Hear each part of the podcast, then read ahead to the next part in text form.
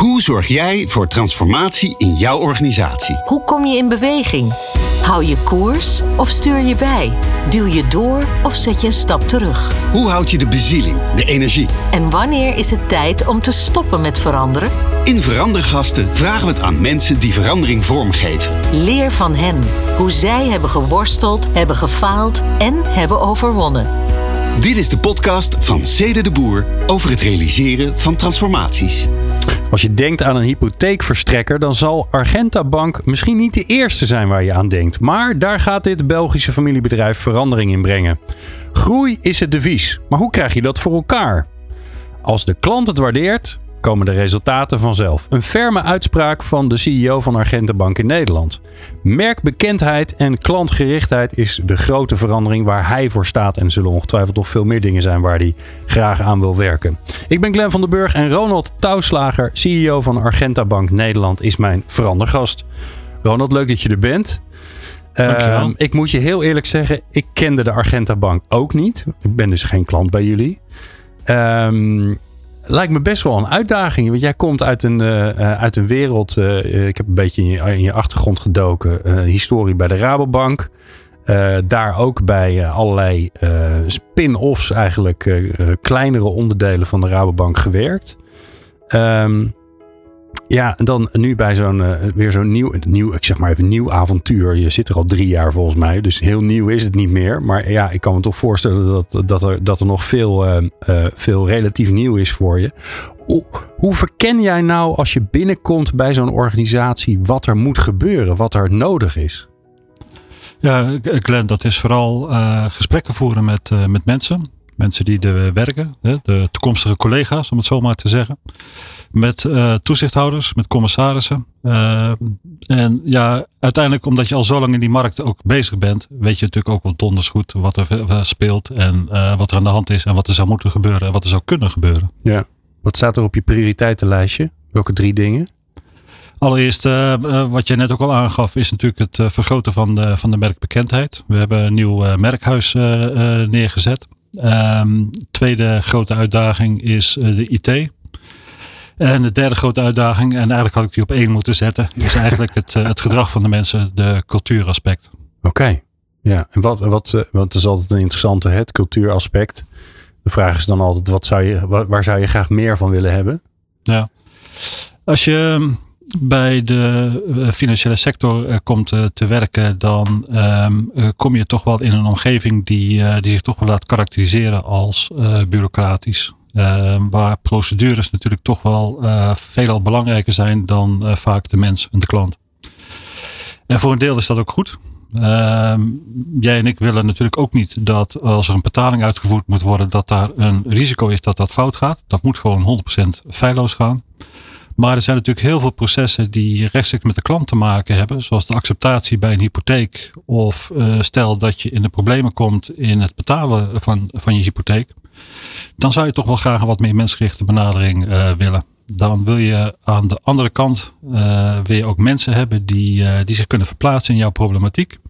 En die willen meedenken met een oplossing. in plaats van de regeltjes te volgen. En dat is wel een, dat is wel een hele omslag. Ja, dat is nou precies waar je een boekje over geschreven hebt. Hè? Klopt, ja. Als je dan bij zo'n nieuwe organisatie binnenstapt, hoe, wat neem je dan mee? Want je, je hebt daar door, ja, door, door jouw ervaring, maar zeker ook door de ervaring die je hebt opgedaan waar je dat boek over hebt geschreven, heb je een soort een bepaalde bril gecreëerd waar je doorheen kijkt. Ja. Hoe, hoe, hoe, hoe zie jij de wereld als je zo binnenstapt binnen zo'n organisatie? Ja, ja interessante vraag. Um, wat ik zie is dat eh, de, de wereld, de omgeving om ons heen is eigenlijk continu in, uh, in beweging. Ik weet nog goed toen ik uh, mijn opleiding uh, genoot. Dat is alweer in de vorige eeuw, uh, vrees ik. Ik ook hoor, dus no worries. Ja. Gelukkig. Dan leer je eigenlijk heel veel over de maakbaarheid van de wereld. En als er één ding is wat de afgelopen jaren met corona en ook de crisis in Oekraïne ons geleerd heeft, is dat die wereld helemaal niet maakbaar is. En dat betekent dat heel veel dingen ja, overkomen je eigenlijk als mens, als bedrijf. Dus er is eigenlijk maar één ding wat je kan doen uh, in die situatie. En dat is zorgen dat je uh, volledig wendbaar wordt. Waardoor je snel kunt inspelen op wat er buiten uh, gebeurt. Um, tweede aspect daaraan is dat het natuurlijk volstrekt onvoorspelbaar is wat er dan gaat gebeuren. Je kunt proberen trends te ontdekken. Uh, en ik heb wel geleerd in de afgelopen jaren, uh, de, in mijn werkzame leven, dat als je die klant maar op één zet, en of het nou een klant is of een cliënt of een patiënt of hoe je het ook noemen wil, datgene waar je het voor doet, uh, als je dat nou maar centraal stelt, dan, dan geeft dat richting eigenlijk. Dan geeft dat richting en dan komt het uiteindelijk altijd wel goed. En nou ben jij ehm, de CEO dus ik neem aan dat jij niet dagelijks aan de telefoon zit of uh, achter de chat. Of uh, ik weet niet of jullie nog fysieke balies hebben, maar vast is dat tegenwoordig allemaal, uh, allemaal online. Hoe zorg je ervoor dat je die, dat gevoel met die klant, dat je dat toch houdt? Dat je, dat je daar toch verbinding mee blijft houden? Ja, ja, ik, ik, merk in de discussies vaak dat gedacht wordt dat, en dat zien we natuurlijk in de financiële dienstverlening ook als geen ander, die hele digitalisering. Um, en het sluiten van kantoren. En de redenatie is eigenlijk altijd, wat, ik dan vaak hoor, um, ja, het fysieke contact is er niet meer. Dus hoe kan het dan nog persoonlijk zijn? Terwijl ik denk dat juist door die digitalisering en juist ook door het gebruik van data, dat je het juist heel erg persoonlijk kunt maken.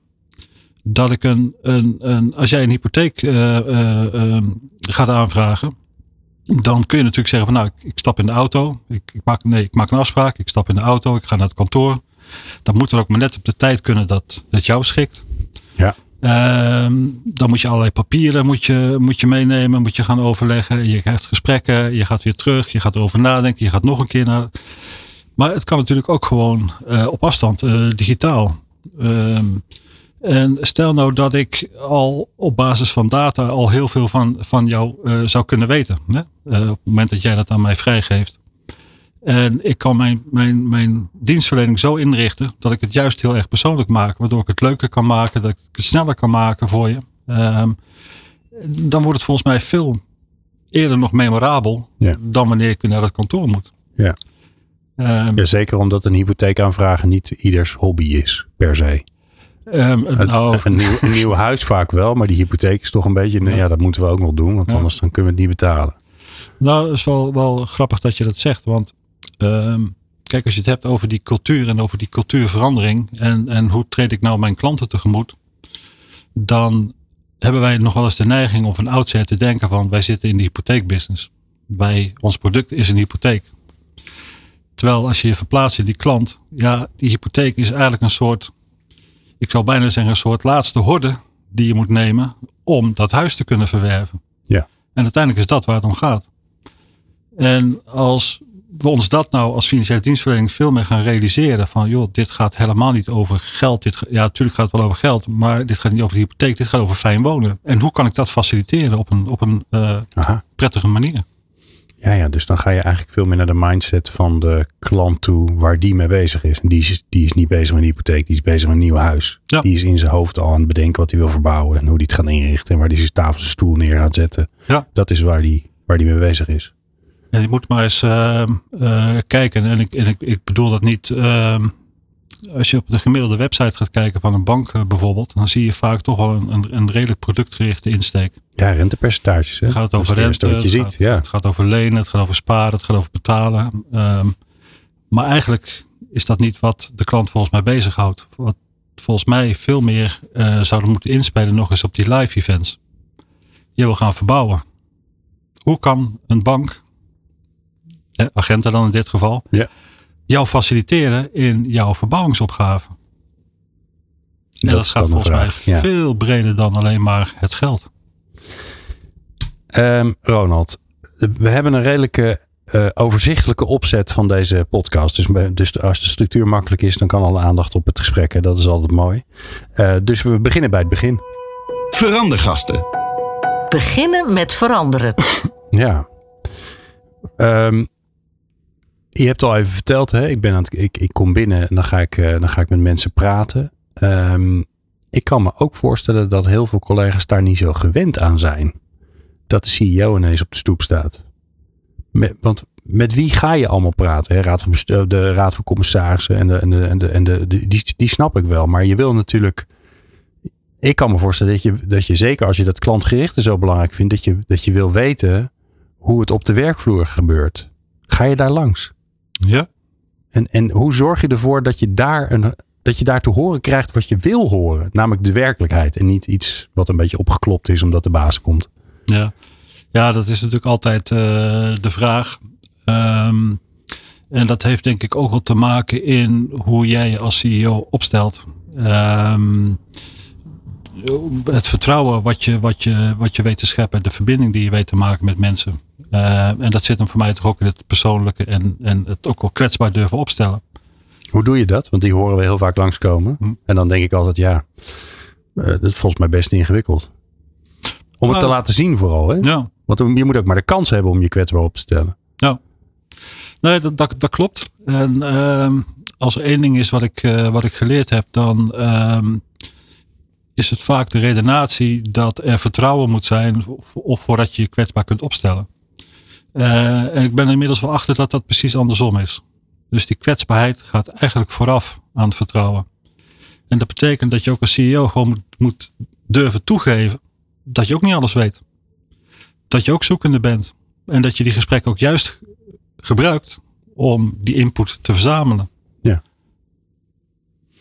Ja, dat is wel mooi. Dus kwetsbaarheid zorgt voor vertrouwen. Terwijl je, kan me voorstellen, ook vaak wel het gevoel hebt van ja, kan het hier? Is dit het moment? En eigenlijk moet je dat dus gewoon, je moet het gewoon doen. Ja, en ik denk dat als jij als CEO of als leidinggevende daar ook het eerste stap in neemt, dat je ook laat zien dat het kan. En wanneer, hè, want het, het, lijkt alsof je een soort verkenningsperiode hebt. Hè, dat je een soort uh, ja, uh, voelen, kijken, luisteren. Uh, wat is er aan de hand? Wat speelt er? Hoe zorg je ervoor dat, dat al, al die indrukken die je binnenkrijgt, dat, dat, die, dat je die tot iets kan terugbrengen?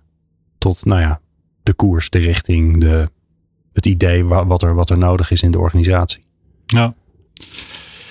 Ja, ik, ik zou ook eigenlijk willen zeggen, het is ook niet zozeer uh, mijn. Natuurlijk maak ik zelf ook een proces door. Uh, maar het is niet zozeer mijn proces als wel het proces van, van een organisatie.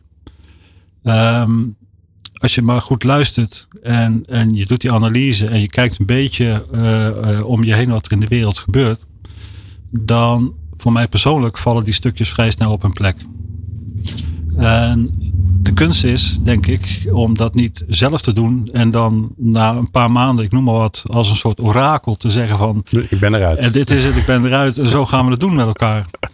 Dus ik heb altijd, welk bedrijf ik ook gewerkt heb of welk onderdeel ik ook gewerkt heb, eigenlijk altijd dat gedaan door uh, dat samen met collega's te doen. Ook vanuit de verschillende afdelingen. Hè? Dus, dus niet alleen maar de, de, de marktmensen, maar ook de mensen van finance bijvoorbeeld, of risk ja. daarin betrekken. Uh, zodat je als groep dat ook kunt doormaken, zo'n proces.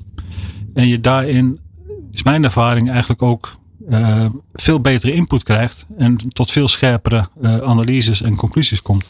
Dus ik hoor je eigenlijk zeggen, de, de, de verandering of de, de bijsturing van de richting, die is eigenlijk al begonnen door gewoon met iedereen te gaan praten en iedereen erbij te betrekken. Dus je, je je, je bent niet aan het bedenken wat je wil veranderen, maar je bent eigenlijk al begonnen. Ja. Hmm, Oké. Okay. Nou, we hebben een mooie metafoor voor je om, uh, om uh, jou beter te leren uh, kennen. Welk instrument ben jij? Nou, ik weet niet wat voor muziek je, van, wat voor muziek je houdt, maar stel je even je favoriete band of orkest of uh, uh, fanfare. Dus, kan ook wel dat je dan enorm gek bent van fanfare muziek, weet jij veel. Stel je die voor en bedenk dan welk instrument je wil zijn. En, dat, en uh, ik, ik doe gelijk de disclaimer, want de eerste drie afleveringen zei iedereen ik ben een dirigent, dus die, die valt af. Ik, wil echt, ik ben benieuwd naar een instrument. Ja. Ik moet zeggen, ik heb heel lang geprobeerd om het spelen van de elektrische gitaar onder de knie te krijgen. Oh. Um, um, en ik, um, dat kostte me zoveel tijd op een gegeven moment. zoveel frustratie, daar ben ik mee gestopt. Maar als metafoor denk ik toch eerder aan een drumstel. Oké. Okay. Ja. En waarom? Ja, omdat voor mij een, een drumstel eigenlijk een, een aantal dingen uh, uh, bevat die heel erg ook met veranderen te maken hebben. Dus in die zin vond ik het een mooie metafoor. Um, drumstel geeft voor mij ook een beetje het ritme aan. Hè? Dus ook het ritme van de verandering. En ik merk ook vaak dat bij uh, live concerten de, de drummer is die ook drie tikken geeft. Hè? Zo. 1, ja, 2, 3. ja, die tikt en nu, af nu beginnen en dan gaan we beginnen. Dus, ja, dus, niet te zanger. Ja. Nee.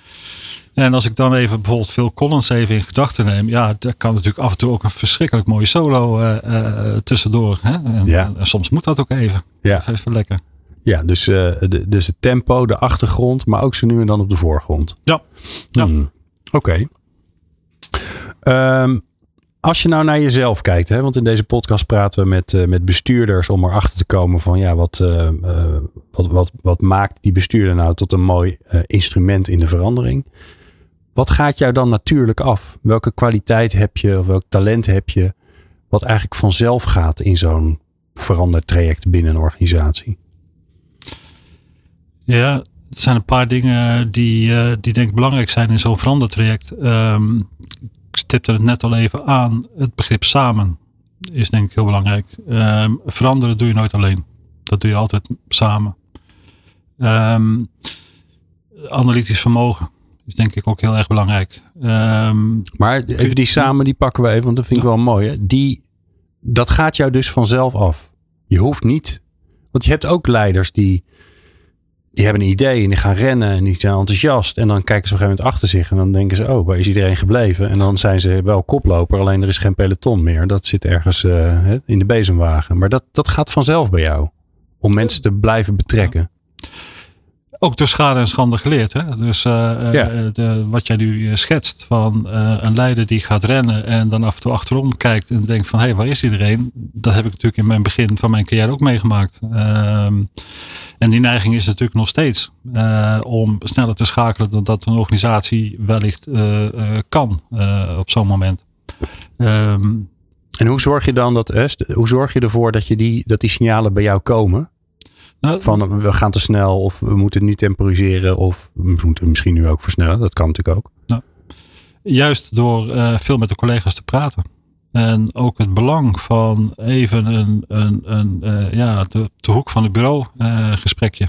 Eh, of een prullenbakgesprek, het is maar net hoe je het. Ja. De koffieautomaat. Hè? Dus, dus, dus, dus ja, die, die, die voelsprieten, eh, die moet je natuurlijk wel vol. Maar zie ik jou dan op een, op een werkdag veel door het kantoor heen lopen en bij op allerlei plekken kletsen? Normaal gesproken wel. De afgelopen twee jaar was natuurlijk eh, Ja. in die zin ook een... Je hebt een rare eh, start gehad eigenlijk Ja, dus. was een heel uitdagende eh, periode. En ik moet je ook heel eerlijk zeggen, toen wij begonnen waren en we waren bezig met het opzetten eigenlijk van die verandering. Dan brak corona uit en ja, was van het een op het andere moment moest iedereen thuiswerken. Ja, maar dan kon je die prullenbakgesprekjes niet meer doen. Die kon je niet meer doen. En ik heb me toen wel heel erg afgevraagd van wat, wat, wat nu? Hè? Wat, wat gaan we die verandering nu doorzetten eh, of niet? En uiteindelijk er wel voor gekozen om dat te doen. Eh, met name ook vanwege die onzekerheid van ja, weet je, dit kan misschien wel één of twee jaar duren. En we kunnen ons ook niet permitteren om stil te gaan staan. Ja. Ehm, maar ik vond het wel een, eh, een lastig vraagstuk. Ja. Heb, heb je daar een soort alternatief voor gevonden? Het digitale alternatief van, de, van het prullenbakgesprek?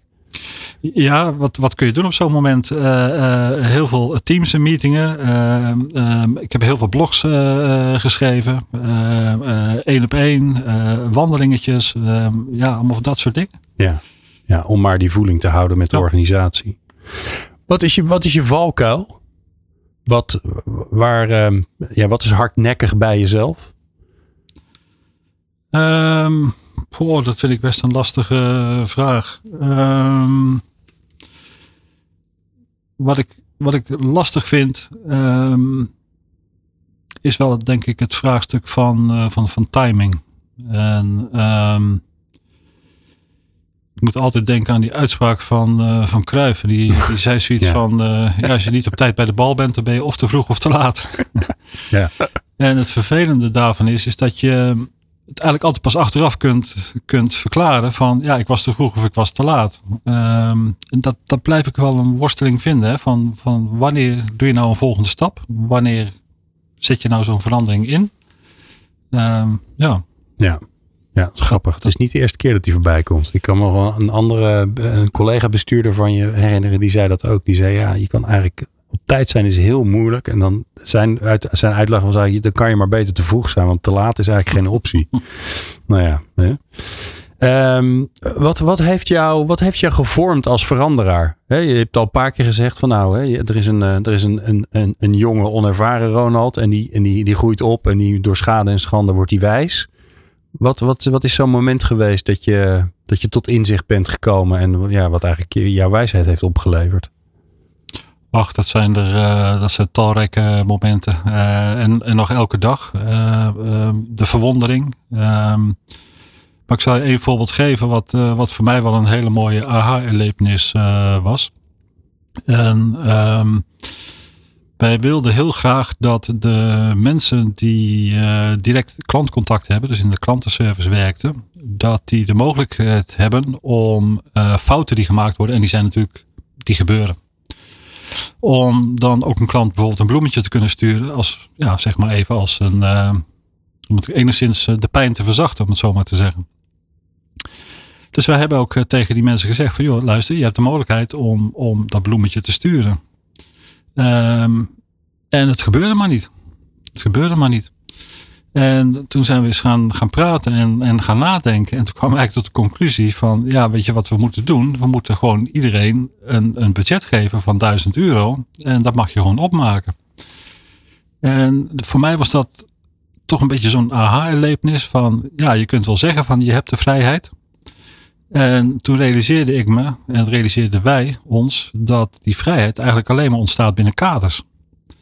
En dat was wel even een paradox. Dat was wel even. Oké, want dat bloemetje sturen, dat was te, te algemeen? Dat was te vrij. Te vrij. Te vrij. Ah. En als je dat inkadert, van, je hebt een budget van 1000 euro en dat mag je opmaken aan bloemetjes. Toen ging het wel werken. Bizar, hè? Ja. Hoe dat werkt binnen de menselijke geest. Ja. Geweldig. Maar, de, maar dat was dus de oplossing. En, en toen werkte het ineens wel. Ja. Want je was budgetverantwoordelijk voor je eigen budget. En aan het einde van het jaar kon het toch niet zo zijn dat je nul bloemetjes had opgestuurd. Voilà. Geweldig. Ja, heel gaaf. Wat een mooi voorbeeld. Ja. Daar ben jij dus druk mee bezig. Is misschien ook wel een beetje je handelsmerken om, om die, die, die klanttevredenheid, die klantgerichtheid er heel erg in te krijgen. Um, we zijn er al een beetje over begonnen, maar toch. Verandergasten. Doorgaan met veranderen.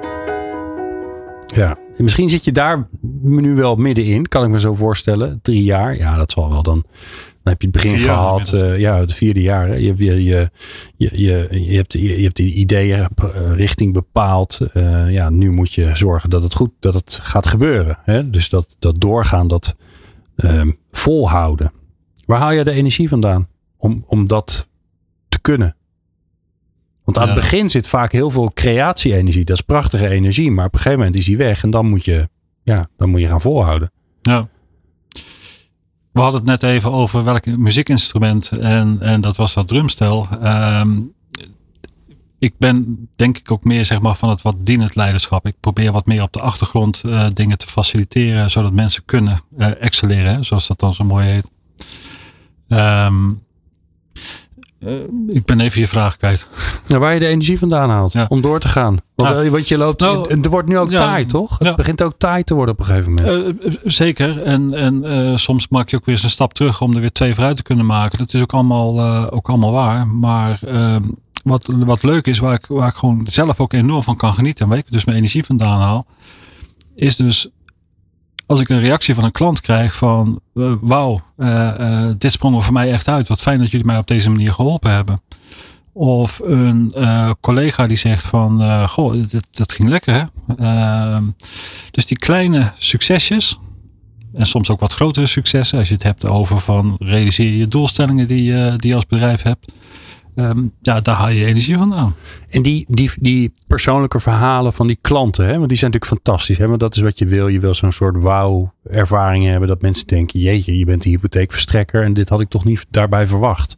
Hè, dan heb je toch een beeld inderdaad met jezelf schetste. Een bank, goed gestructureerd, maar tikje bureaucratisch. En dan heb je ineens een enorme, fantastische belevenis. Hoe haal je die naar boven? Hoe zorg je ervoor dat jij die ook tot je krijgt? En misschien wel met jou, al je collega's wat ik zelf in ieder geval doe, is um, me regelmatig ook op de hoogte laten stellen van bijvoorbeeld klachten die binnenkomen. ik wil ook weten van hoe worden die opgelost. Ehm, En dat zijn individuele klachten. dat is Individuele niet geaggregeerd dat je zegt, nou Excel sheet. Die zien, we ook, die zien we ook. Maar Ja. het is juist en, ehm, eh, interessant om dat af te pellen en daaronder te duiken. Om te kijken van wat zijn nou die individuele gevallen. Want daar leer je vaak veel meer van. Analogie daaraan is bijvoorbeeld ook wat wij vaak gebruiken. Is die net promoter score, NPS. Ja. Dat is een heel geaggregeerd getal. En Dus het eigenlijk- aanbevelingsgetal, hè? Ja, Toch? De, Ja, de, de vraag wordt volgens mij simpel gesteld. eh, zou je deze product of dienst Precies. aanbevelen aan je vrienden en familie? En dan eh, worden alleen de 9 en de 10 worden geteld. En uh, Oh ja, jullie- worden afgetrokken. Ja, ja. En naar het hele J- systematiek. jullie gebruiken de Amerikaanse telling. Niet in, want je hebt ook bedrijven die gebruiken de Ne- Nederlandse telling. Die tellen de acht ook mee, hè? Ja. Maar wat veel belangrijker is, zijn de onderliggende eh, eh, interviews die je doet met klanten. En ehm, je vindt ook dat je regelmatig ook als bedrijf eigenlijk ook de plicht hebt, eh, ook als leidinggevende in een bedrijf, om regelmatig op basis met klanten het gesprek aan te gaan.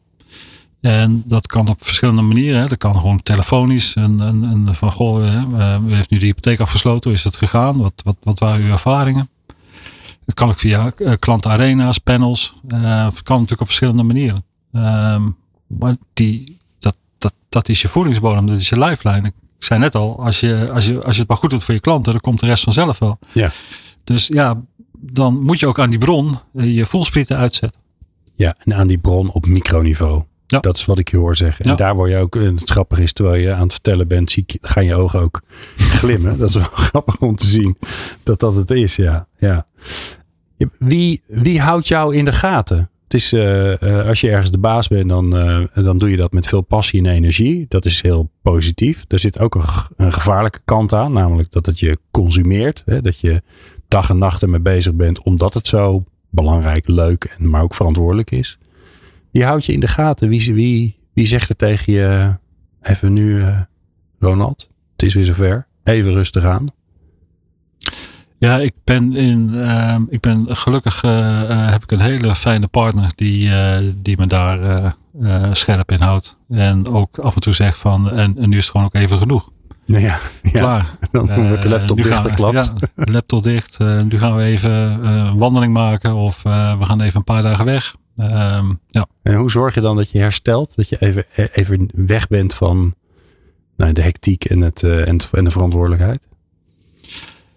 Door inderdaad eh, eh, on- ontspannende dingen te doen. En wat werkt voor mij ontspannend is dat eh, vooral ook wandelen. eh, maar ook wat tuinieren, eh, lezen, eh, lekker uit eten gaan. eh, dat soort dingen. En ik ben denk ik ook wel met het geluk geboren dat ik eh, vrij makkelijk de knop kan omzetten. Dus, eh, Oké, je, kan, ja. je kan dan in dat moment redelijk makkelijk loslaten. Ja. Oh, dat is wel heel fijn. ik sta wel, wel, zeg maar wel 24 uur aan om het zo maar te zeggen. Maar ik kan daar wel die switch vrij makkelijk maken. En, en hoe doe je dat in, het, in de organisatie? Dus wie, ehm, eh, wie- stel je voor, hè, er is iets gaande en je, en je komt er even niet uit. Naar wie ga je dan toe? Wie is, je, wie is in de organisatie je, je go-to person? Dat is een, eh, dat is toch je managementteam. Ehm, en eh, ja, je, er wordt wel vaak gekeken naar de CEO. En, en, en misschien soms wel terecht en soms ook onterecht. Ehm, maar je doet het met het team. Dit zijn geen dingen die je eentje doet. Nee, en dat, het gekke is, want dat zei je eigenlijk in het begin ook, hè, toen je zei, ja, mijn kwaliteit is samen. Het ingewikkelde lijkt mij dat je komt op zo'n positie ook door wie je bent en wat je kan en wat je voor elkaar hebt gekregen. Eh, er zijn momenten dat je naar voren moet stappen, want dan moet je er zijn en dan moet je je laten zien. Eh, want dat is soms ook belangrijk in de organisatie. En ook het tegenovergestelde. Want je zei, ik hoorde je ook zeggen, ik ben, hier meer van een dienend leiderschap. Ik vind het prima om, eh, eh, om andere mensen eh, in het vo- voetlicht te zetten. Hoe, hoe bepaal je nou voor jezelf wat er nodig is? Want een van de alleen maar in het voetlicht is niet goed. Alleen maar dienend op de achtergrond. Dat kan vaak ook niet. Ja, dat is denk ik toch intuïtie. Daar heb ik ook geen regels voor. Dat, dat, dat voel je.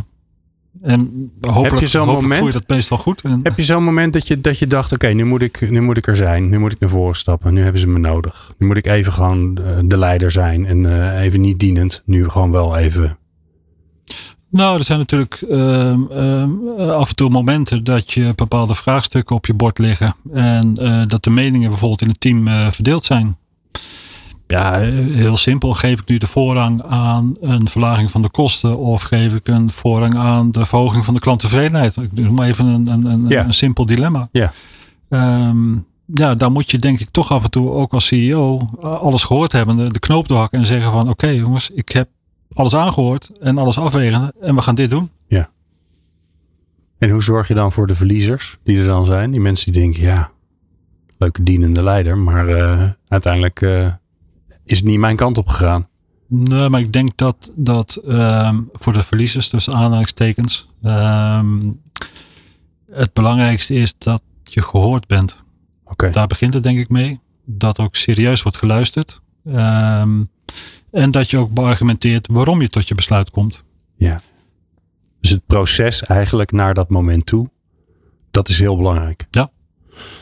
Alright. Ehm, welke rol speelt humor in, in het door kunnen gaan met veranderen en het met elkaar werken in zo'n in zo'n team?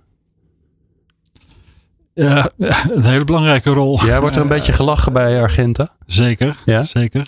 Als je in zo'n team niet op een, een, een hele fijne, vertrouwde manier met elkaar kunt samenwerken en ook geen, geen, geen humor, geen grappen daarover kunt maken over dingen die soms gebeuren, ja, dan, dan, dan wordt het veel te serieus. Ja. Ehm, en eh, ja, één ding wat je volgens mij niet moet doen is jezelf al te serieus nemen. Want anders? Ja, dan, dan ga je denken dat je alle wijsheid in pacht hebt en dat je eh, wel even zult bepalen hoe of wat. Nou, kom op. Ehm ieder zijn rol. En ehm, Ja. ja, daar, hoort, daar hoort ook gewoon humor bij. En er, gebeuren natuurlijk gelukkig ook dagdagelijks dingen die, eh, die de moeite wa- waard zijn om op te lachen. Ja, ja, ja. Alright. Nou, we hebben een aantal dingen van je gehoord die belangrijk zijn in het, eh, in het, in het volhouden, in het doorgaan en het zelfs ook nogal genieten van, eh, van het veranderen zelf. Maar ja, op een gegeven moment dan. eh, Verandergasten. Stoppen met veranderen. ja, je moet ook een keer stoppen. En eh, eh, ehm, ik moet altijd een beetje uit elkaar halen. Er zijn twee manieren van stoppen. Je hebt stoppen van de verandering aan zich.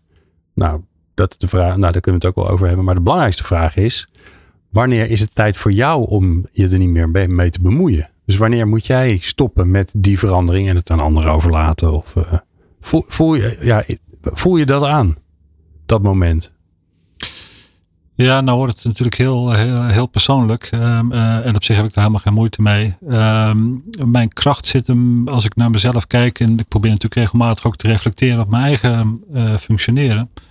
Zit hem denk ik veel meer aan, de, aan de, het kunnen duiden van ontwikkelingen die buiten gebeuren. Eh, de betekenis daarvan voor de organisatie. Hoe zich dat zou moeten vertalen in, en dat doen we dan ook samen, in een strategie en, en, en in doelstellingen en dergelijke. Ehm, maar als dat eenmaal staat en de richting is bepaald, dan heb ik wel iemand naast mij nodig die, die de dingen kan afmaken en, en, en, en kan volharden. Want dan wordt het voor Ja. mij een soort van, ehm, ja, moet ik zeggen, een soort van routine. Ja. Eh, en dan ben ik eigenlijk alweer met de volgende stap bezig. Ja, dat wou ik zeggen. Want dan, hè, dan ben jij natuurlijk alweer. Want er blijven steeds weer nieuwe ontwikkelingen in Ja. de buitenwereld. Hè. A, moet je ze in de gaten houden, dat is al werk. En, eh, en dat weer vertalen. Ja, daar ben je dan alweer mee bezig. Terwijl iemand anders bezig is met het ja, implementeren. Dat vind ik altijd zo'n rotwoord. Maar zorgen dat, dat de, vorige, de vorige verandering echt helemaal rondkomt. En heb je, heb je zo iemand? Die hebben ook in het team zitten. En, Ja. en, en, en, en daarom zeg ik ook, je moet dit ook samen doen. Want ehm, de eigenschap om, om al dit soort dingen in één persoon te verenigen, dat, dat, ja, dat, tenminste, ik heb, zo, ik heb dat, dat soort mensen nog niet, eh, ben ze nog niet tegengekomen. Nee, dat is ook gezond om En- het een beetje te en- scheiden. Ja. En, maar dat is ook de kracht van zo'n team. Iedereen heeft daar ook zijn eigen persoonlijkheid en zijn eigen karakter en zijn eigen sterke kanten eh, in. Dus je hebt mensen van de creativiteit en je hebt ook de mensen van het, van het afmaken. En hoe herken jij dat? Hoe weet je dat van, van eh, of, of jij, hoe weten jullie dat van elkaar in dat team? Wie wat, wie wat, wie, wiens kracht eh, je waarvoor moet inzetten? Wij denken dat het heel belangrijk is, en dat doen wij in ieder geval als team ook, we natuurlijk ook regelmatig eh, de tijd nemen voor onszelf als team, ehm, om met elkaar over dit soort dingen te hebben. Ehm, daar kun je natuurlijk ook hulpmiddelen bij gebruiken. Daar kun je, eh, eh, ik noem wat, de teamrollen van Belbin bijvoorbeeld bij gebruiken. Je kunt daar allerlei eh, dingen bij gebruiken. Ja. Ehm, en dan voel je en, en, merk je ook uit de verhalen die je dan aan elkaar vertelt, ook wel van waar ligt ieders kracht. En ehm, waar haalt iedereen ook zijn energie vandaan? En, en hoe zorg je er dan ook onderling voor dat je dat. Want ik kan me voorstellen dat je daar zo nu en dan tijd aan besteedt. Maar de, ja, het, het, het gebeurt natuurlijk in het dagdagelijkse. Het gebeurt in. Uh, uh, wat ik me voor kan stellen, is dat er nodig is, is dat jouw collega die meer van het afmaken is, dat hij tegen jou zegt: Ronald, uh, het is tijd dat je gaat loslaten nu, want uh, je zit me in de weg. Hoe zorg je ervoor dat die ruimte er is? Het kan ook best vervelend zijn, want jij zit lekker, lekker in je energie en je, bent nog, bent nog uh, weer nieuwe dingen aan het bedenken. En, uh, en ondertussen denken anderen van ja, ga dat even ergens anders doen met, uh, hè, met een ander onderwerp, want ik wil dit nu gewoon even afmaken. Ja. Ja, wat we het begin van het gesprek ook al even over hadden. Als je, als je elkaar uh, vertrouwt en je kent ook iets meer van elkaars achtergrond, waar je vandaan komt en wat je bezighoudt en, en, en, en wat je drijft. Um, dan leer je ook dit soort dingen van elkaar te accepteren. Omdat je merkt van hé, hey, als we dat op deze manier doen, komen we als collectief ook sterker uh, uh, uit de strijd. Hè? Ja. Dan, dan, dan komen we tot betere dingen. Um, dus dat gaat eigenlijk bijna ja, als je dat op die manier ook, ook tijd en aandacht aan elkaar besteedt, groeit dat eigenlijk als, als vanzelf bijna, zou ik zeggen. Ja, ja want je hebt het over team, hè, het belang van het team en samen, dat komt de hele tijd terug. En ik zie ook wel zakelijk vormen, hè, dat je een teamsessie doet en dan ga je inderdaad met kleurtjes of weet ik wat werken om te zorgen dat je weer een slagje dieper komt. Hoe zorg je dat het, dat die sfeer zo persoonlijk wordt? Dat je echt ja, dat je elkaar goed vasthoudt, maar dat je ook snapt wie je bent en waar je vandaan komt. Want dat gaat ook over. nou ja, ik vind dat altijd mooi. Uh, uh, uh, mooie vraag om te stellen: wie is je moeder? Hè? wie, was je, of wie, wie was je moeder? Omdat je dan gaat hebben over waar kom je vandaan en wat heeft je, ja, wat heeft je gemaakt tot wie je bent nu. Hoe zorg je daarvoor? Dat je verder komt dan ja, dan dat instrumentele. Ik ben, ik ben een starter, ik ben een afmaker, uh, ik ben goed in dit of ik ben goed in dat. Ja. Ik zou daar eigenlijk twee dingen op willen, willen antwoorden. Um, ken je het begrip van de Indian stick? Um, dat is eigenlijk dat um, je gaat eigenlijk in een kring zitten als groep en je legt eigenlijk een, een, een praatstok uh, in het midden. En ik weet niet of je die oefening ooit gedaan hebt. Het is eigenlijk heel wonderlijk. Uh, op momenten dat uh, je kan één voor één kan je die stok pakken en dan kan je een verhaal vertellen. En het wonderlijke is, als je dat op die manier doet, dat het eigenlijk vanaf het begin af aan eigenlijk al vrij snel heel erg persoonlijk wordt. Eigenlijk als vanzelf. Het is echt fascinerend hoe dat, hoe dat werkt. Wel bizar, want eigenlijk ja. je, Waar, waar je voor zorgt is dat er is maar één iemand te praten, kan ik me voorstellen. Als interventie. Want als je die stok hebt mag je praten en de rest, en de rest is, is, stil. is, stil. En als ja. je hem teruglegt dan is iemand anders aan de beurt. Ja. En gelijk wordt het persoonlijk zeg je. Gelijk wordt het persoonlijk. En, ik, en, en, en nu ik dat zo vertel realiseer ik me ook. En ik denk dat dat ook voor een deel komt omdat het ook gewoon uh, waardevrij is. Er wordt niet op gereageerd. Ah. Uh, dus er is ook geen afkeuring of goedkeuring. Het is eigenlijk waardevrij. En dat, dat maakt het denk ik ook Mm. Die sfeer uh, op die manier. Oké, mooi. Ja. Ja. Ja, En het, ik denk eh, dat we dat niet met, eh, deze, met deze podcast gaan doen. Want dan heb ik geen rol meer. Hoef hier alleen maar een stok neer te leggen. maar gaaf, ja. Eh, mooie, mooie interventie. En het ander? En de tweede opmerking is ehm, ehm, de, wat je vaak ziet, en dat, dat merken we zelf natuurlijk ook, dat als je onder druk komt te staan of dingen niet zo goed lopen, dan, ehm, dan kan er wel eens wat irritatie ontstaan. En we hebben dan wel met elkaar afgesproken van hey, als we dat gaan herkennen. Dus we hebben eigenlijk ook gezegd, joh, wat zijn dan de signalen? Wat zien we dan gebeuren onder die omstandigheden? Dat als iemand dat ziet, dan heeft hij ook de mogelijkheid om op de rem te trappen. Oké. En dan stoppen we ook even alles en dan gaan we het gesprek daarover hebben. En hoe, gebe- hoe, hoe, hoe gebeurt dat dan? Iemand zegt, hé hey jongens, ik, eh, gewoon die steekt zijn hand en zegt, ik merk dat er irritatie is. Is er een soort van... Ja. Oké. Ja, eigenlijk is het zo simpel. Ja, ja. En omdat je dat met elkaar hebt afgesproken, laat iedereen dan ook alles los. Want ik kan me voor, als je net in een verhitte discussie zit en iemand zegt, ja, ho jongens, wacht even. Dat je denkt, ja, ja, dat komt straks wel. Maar dat, jullie hebben het zo afgesproken dat het echt, echt een noodrem is. Ja. Wauw. Is het al gebeurd? Dat komt met enige regelmaat voor. Ja. En het is ook, en het is ook belangrijk om het op dat moment uit te spreken. En het heeft ook geen zin om dat na een week te doen. Van weet je nog toen? Ja, dan ben jij ja, dat moment. Vaag. Hè? We zijn alweer een week verder. Ja. Dus pak het ook in het moment. En is dat dan ook omdat als je het niet in het moment doet, dan gaat het toch een beetje knagen ook aan de relatie? He, want dan ben je dat moment kwijt, maar, er, maar het suddert wel een beetje in je onderbewuste door, kan ik me voorstellen. Dat voorkom je hier natuurlijk ook mee. Wauw. Zeker. Ja, mooi. Hoe, uh, Ronald, sluit je een periode van verandering af? Hoe, hoe zorg je ervoor dat het, dat het rond is? Ha. Dan, de eerste vraag is dan: stopt een verandering ooit? Ja. Um, en in mijn beleving is verandering een constante. Um, dus je, dus je kunt nooit het resultaat vieren. Dat is ook vervelend. Nou, gelukkig, en we hadden het net ook al even over. Gelukkig zijn er tussentijds heel veel successen die je kunt vieren als het goed is. Uh, ja. En daar haal je natuurlijk je energie uit. En, en, en, en je boekt tussentijds resultaten. Maar ja, weet je wat het is? Het, het, het ene is nog niet klaar of het ander uh, gebeurt alweer. Dus uh, ja. de verandering is, is iets wat, wat, wat constant is. En hoe vier je die tussentijdse dingen? Heb je een voorbeeld van zo'n zo'n soort milestone die je gehaald hebt en, en wat jullie dan doen? Het kan zijn dat we een, uh, een nieuw proces hebben uh, geïmplementeerd. Um, dan tracteren we even op taart. Um, kan zijn dat we de doelstellingen hebben gehaald om uh, zoveel hypotheken te verstrekken. Ja, dan pakken we daar een goed glas champagne bij.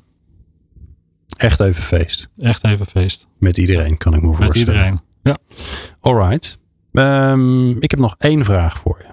Nou, ik heb er heel veel nog, maar ik heb er in deze podcast nog één voor je.